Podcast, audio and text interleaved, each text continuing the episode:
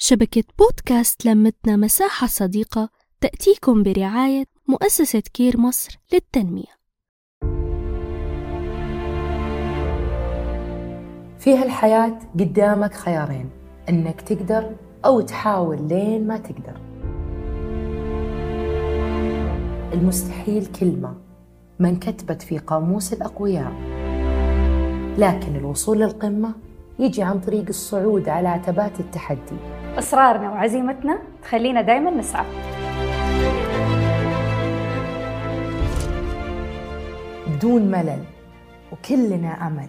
وروح التحدي فينا ما تلغي أبدا تعاوننا. حنا في بعض ننهض ومع بعض أقوى. أنا امرأة أصنع التغيير وكلي فخر بأني أملك هذا الأثر. الموهبة الشغف الطموح القوة. أنت المرأة. أنت المرأة اللي أقرت الأمم المتحدة إن يكون يوم 8 مارس يوم عالمي ليكي. الاحتفال ده يرجع جذوره سنة 1908 لما خرج أكثر من 15 ألف امرأة أمريكية في شوارع نيويورك في مسيرة احتجاجية عشان تطالب بتقليل ساعات العمل وكمان السماح لهم بالتصويت في الانتخابات. الاحتجاجات دي خلت الحزب الاشتراكي الأمريكي إنه يحدد أول يوم وطني للمرأة. واقترحت وقتها امرأة اسمها كارلا زيتكن إن اليوم ده يكون يوم عالمي مش بس يوم وطني. وفي سنة 1911 ابتدت عدة دول زي النمسا والدنمارك الاحتفال باليوم العالمي للمرأة لأول مرة في التاريخ. سنة 1975 قررت منظمة الأمم المتحدة الاحتفال باليوم العالمي للمرأة واختيار موضوع مختلف في كل عام. السنة دي هنحتفل باليوم العالمي للمرأة تحت شعار الرقمنة للجميع الابتكار والتكنولوجيا من أجل المساواة بين الجنسين.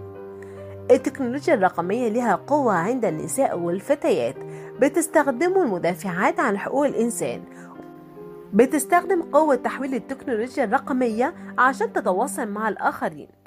القوة دي شفناها في النساء والفتيات اللي أطلقت حملات عبر الإنترنت عشان تلغي الحظر الشبه تام على الإيجاد في كولومبيا وإيرلندا. أما الشابات في إيران استخدمت وسائل التواصل الاجتماعي عشان تعبر عن رأيها وتطالب بالمساواة بين الجنسين. وعلى مدار 75 سنة حققت المرأة العديد من الإنجازات قدرت كمان إن هي تأثر على نص الإعلان اللي ساهم في تحقيق تغيرات اجتماعية حاسمة. حقوق المرأة هي من حقوق الإنسان بغض النظر عن المكان اللي تختار المشاركة فيه.